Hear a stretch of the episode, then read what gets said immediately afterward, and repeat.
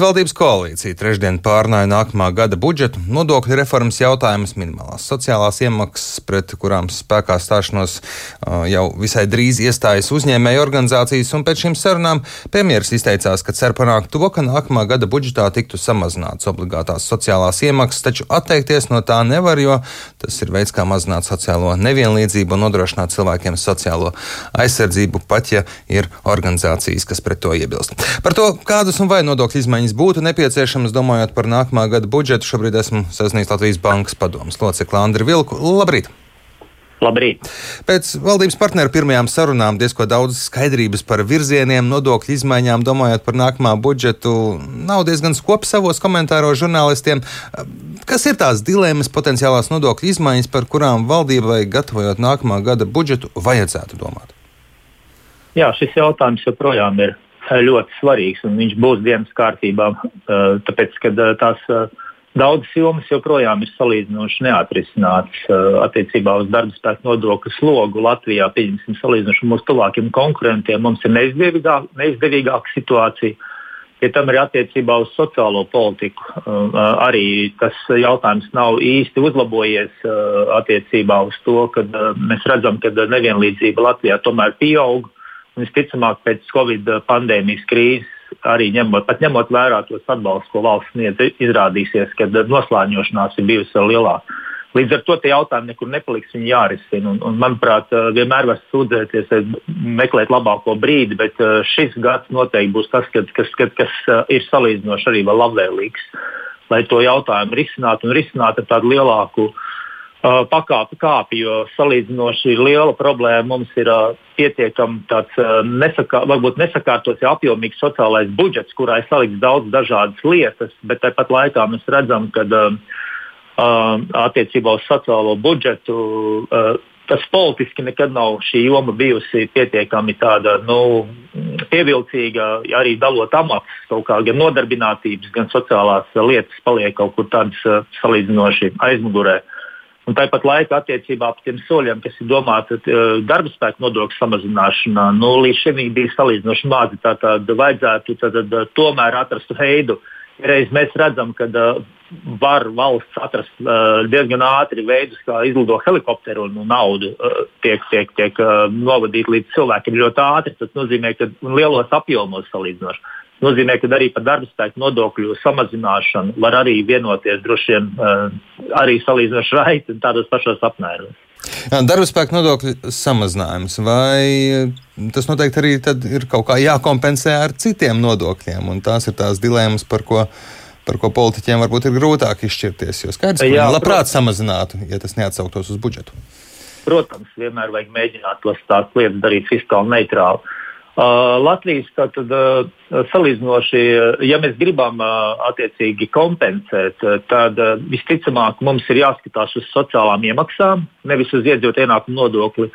Jo apdrošināšanas, sociālās apdrošināšanas obligātās iemaksas tiek aprēķinātas no, no, no, no pirmā teiksim, eiro, ja, un tas skar visus Līdz ar to tas ir pats lielākais tas salīdzinošs tas apjoms nodokļu, kas tiek maksāts uh, no darba devēja ņēmēja puses. Līdz ar to mēs šeit redzētu, ka būtu jāiet, ja, ja iespējams, ir uh, vismaz 2% punkti, bet varbūt pat 4%, ko Latvijas Banka jau pirms kāda laika uh, pētījumos savos un piedāvājumos arī uh, minēja. Attiecīgi, ja mēs uh, gribam to nokompensēt, tad ir skaidrs, ka uh, ir jārīkojas uh, droši vien tādā veidā, ka mēs Latvijā redzam, ka uh, mums tā sistēma ir salīdzinoši sarežģīta un daudz dažādu joprojām izņēmumu.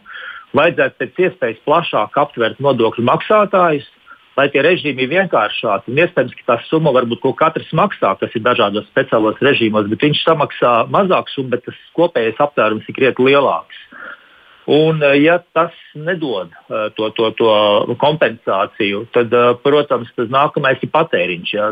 Samazinām darba spēku nodokli, bet uh, tad pats, paceļam pievienotās vērtības nodokli. Savukārt tas ir atkal otrs varbūt, problēmas punkts. Tas tieši varbūt ne, negatīvi skar tos, kas nav darba ņēmēji, kas, kas nav darba tirgū, un, un pensionārus un cilvēkus, kas, kas nestrādā uh, jo tie šo pirktspēju zaudē uz kaut kādu teiksim, momentu. Tā kā tur jādomā tās abas lietas, bet, kā jau es minēju, tad, kad bija jāizšķirās par atbalstu ģimenēm un atbalstu bērniem, vairāki simti miljoni tika īsā brīdī piešķirti valdībā sevišķi nediskutējot. Šeit iet runa par tieši tiem pašiem dažiem simtiem miljonu. Tā kā iespējams vienoties ir jautājums, kādā to pārdalīt. Veidā. Bet ir skaidrs, kurs, kur ar nodokļu politiku dodamies. Politiķi ir sev tādu definējuši, vai, vai tur notiek no gada uz gadu uz budžetu, no budžeta jau savādāk vingrojumi. Mums ir divas tādas lietas. Viens ir tas, ka ir vēlme samazināt darba spēku nodokļus. Tur ir gan politiskā griba, gan arī uh, to, to pieprasa sabiedrība uzņēmēji, bet tie soļi ļoti lēni ir. Tas ir tas viens. Latvijai vispār tā problēma ir, ka mums nav īsti izlēmības tādiem lielākiem soļiem. Pieņemsim, Lietuva pirms pāris gadiem uh, samazināja nodokļu slogu, un uh, attiecībā mēs redzam, kāds ir ieguvums no, Lietuvā nodokļu maksātājiem un ekonomikai pēdējos pāris gados. Tās algas, uh, ko, ko saņem lietuviešu rokas, krietni pieaug ļoti īsā brīdī. Igauni to darīja iepriekš. Uh, Līdz ar to tie soļi Latvijai nepamanāmi, viņi ir nokoši, vajag lielākus tādus uh, uh veikt pārmaiņas. Otrs mums ir saku, tā problēma, kas ir saistīta ar sociālo, sociālo visu jomu, kura nav īsti politiski varbūt, bijusi prioritāte. Tur ir jāpaskatās tas nodokļu uh, soci, zem sociālām iemaksām. Šīm budžeta ir savilkts daudz dažādas lietas, ko noteikti daļu vajadzētu pārnest pamatbudžetu. Tas ir tāds pamatīgāks revidēšanas pasākums, ko varbūt ir grūti izdarīt uh, gada laikā, bet katrā ziņā tam ir beidzot jāpievēršās.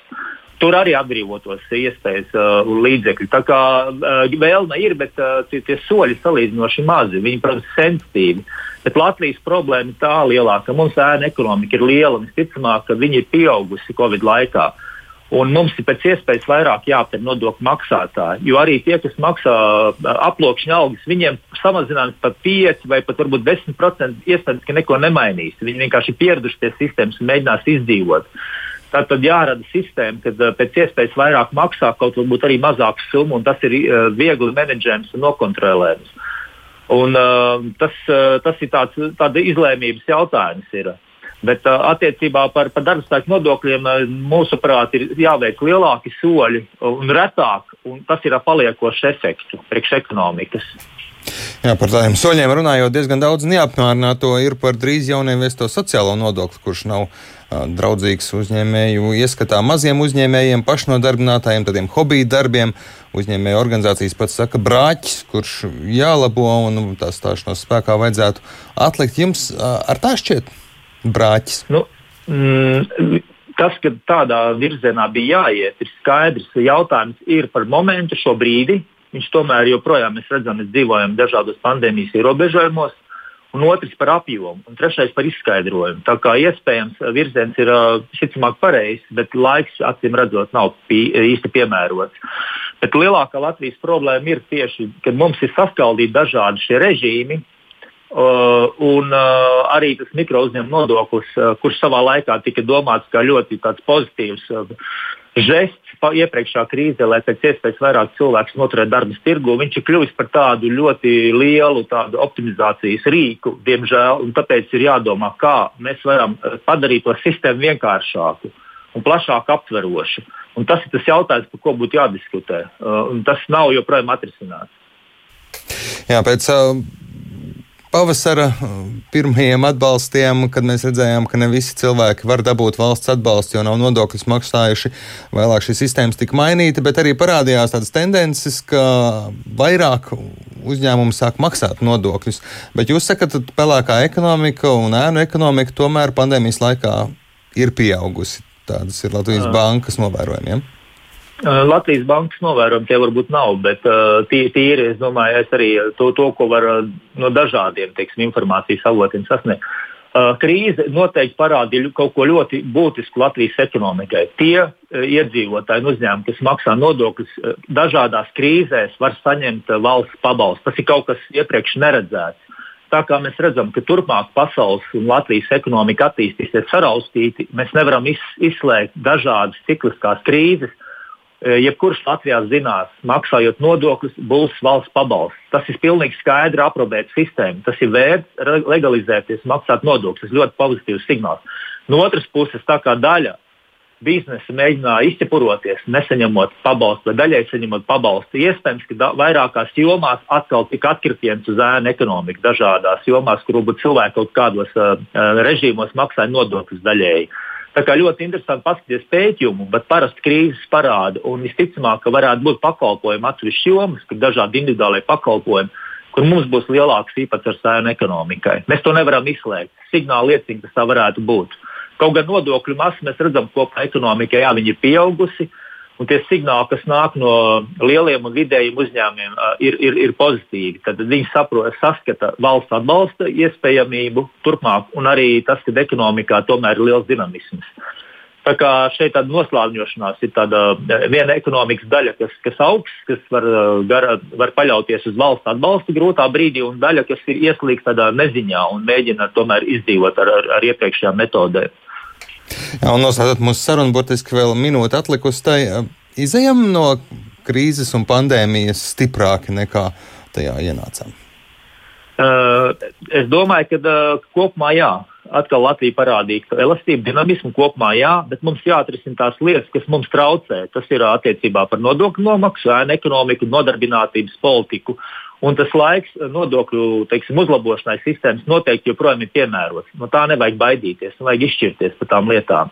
Jo, kā mēs redzējām, tad, kad vajag dalīt naudu, pabalstos notiek ļoti ātri, milzīgās summās. Mēs runājam par identiskām summām praktiski šeit. Un šeit tāda minstināšanās sanāk. Un uh, skaidrs, ka Latvijai jāatgū, jā, jānostiprina savu konkurētspēju pret kaimiņiem. Un no darba spēka nodokļi ir neatrisināta lieta. Uh, un sloks ir liels, un tāpat arī sociālās, no, sociālais bloks, sociālās budžets joprojām ir lieta, kas nav atrisināta, kas, kas būtu jāvērta un jāuzlabo. Paldies par sarunu. Latvijas Bankas padomus loceklis Andris Vilks ar mums sarunājās.